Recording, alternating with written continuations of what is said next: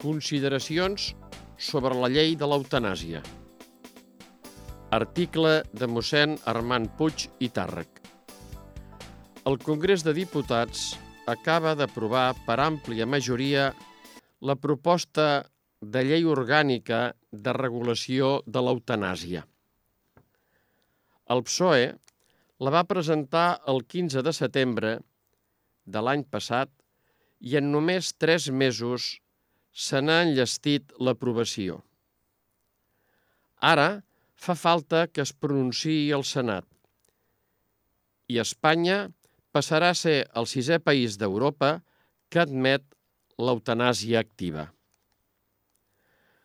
Em pregunto si, en un tema sensible i carregat d'implícits morals, s'havia d'anar tan ràpid, sobretot en temps de pandèmia en què l'opinió pública ha quedat focalitzada en una sola direcció. Em pregunto si les persones democràticament escollides pel poble poden arrogar-se el dret de decidir en nom de tots, sense debat social, un tema que supera el marc estricte del joc polític i s'endinsa en el terreny dels valors morals de la societat. El debat intel·lectual i la participació popular, és a dir, la tan invocada i realment poc practicada democràcia participativa, ha estat gairebé inexistent.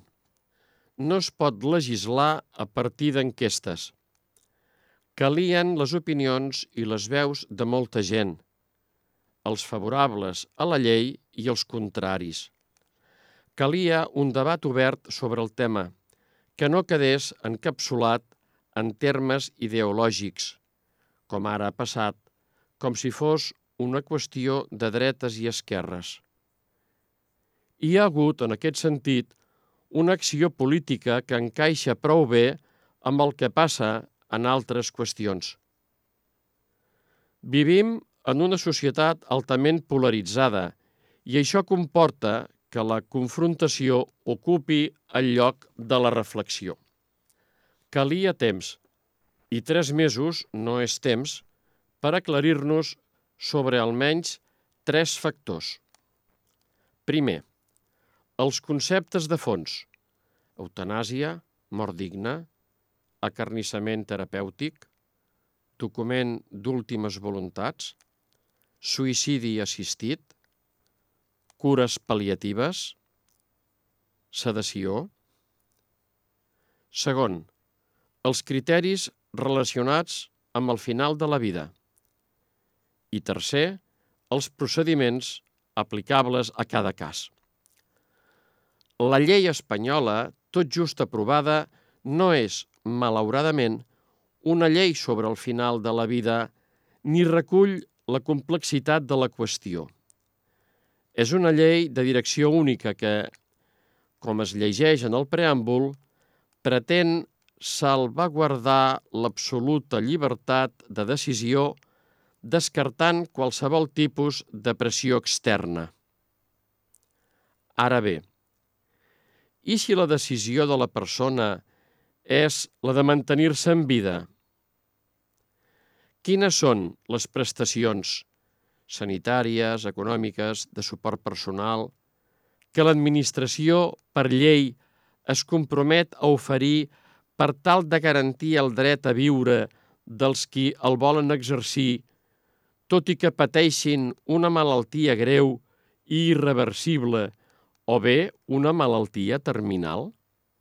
Optar per una vida digna és optar per una mort digna. Tothom vol tenir una mort digna, però mort digna i eutanàsia activa no són conceptes idèntics com la llei espanyola subtilment pretén fer creure. A l'estat espanyol s'ha fet el pas a l'eutanàsia activa tal com ha des de fa anys es practica a Bèlgica, a Luxemburg, a Holanda i a Suècia, i en alguns estats dels Estats Units de Nord-Amèrica. A Suïssa es recorre al suïcidi mèdicament assistit. A França, la llei Leonetti-Claes 2016-87 de 2 de febrer de 2016, signada per François Hollande, va ser aprovada tan sols després de dos anys de debats públics intensos que van implicar tota la societat. Aquesta llei no admet l'eutanàsia activa i, malgrat això, pretén crear nous drets a favor dels malalts i de les persones terminals, tot garantint la dignitat de la persona humana, que n'és el concepte clau. D'altra banda, els legisladors espanyols s'haurien pogut informar sobre quina ha estat l'experiència real en els cinc països europeus esmentats que accepten l'eutanàsia activa. Haurien constatat que en aquests països moren dues o tres vegades més persones de les que permetrien els supòsits legals vigents. L'aplicació de la llei va molt més enllà de la lletra de la llei. Un darrer punt. En aquest moment, a l'estat espanyol, quasi 25.000 ancians han mort per Covid-19 o símptomes compatibles, quasi la meitat del nombre total dels morts per la pandèmia. A Catalunya, el percentatge supera lleument el 50%. Es tracta d'una mortalitat sense precedents. Caldria anar a la passa de grip de 1918-1919 per trobar xifres encara més grans d'ancians morts per una pandèmia. Em pregunto si aquest era el moment oportú per promoure una llei que afecta directament els ancians, persones de debilitat congènita.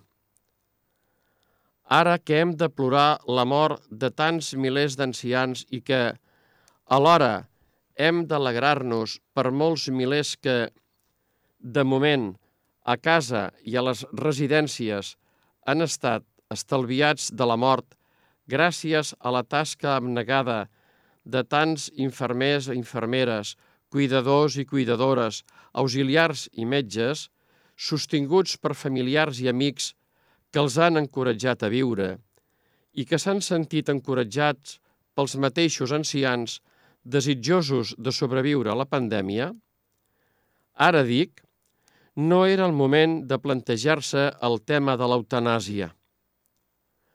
Cal lamentar la manca de sensibilitat envers els milers i milers d'ancians que han decidit lluitar contra els confinaments i l'isolament i han optat per continuar en vida i no per morir. El seu exemple i la seva dignitat també han de ser inclosos en la memòria col·lectiva de la nostra societat.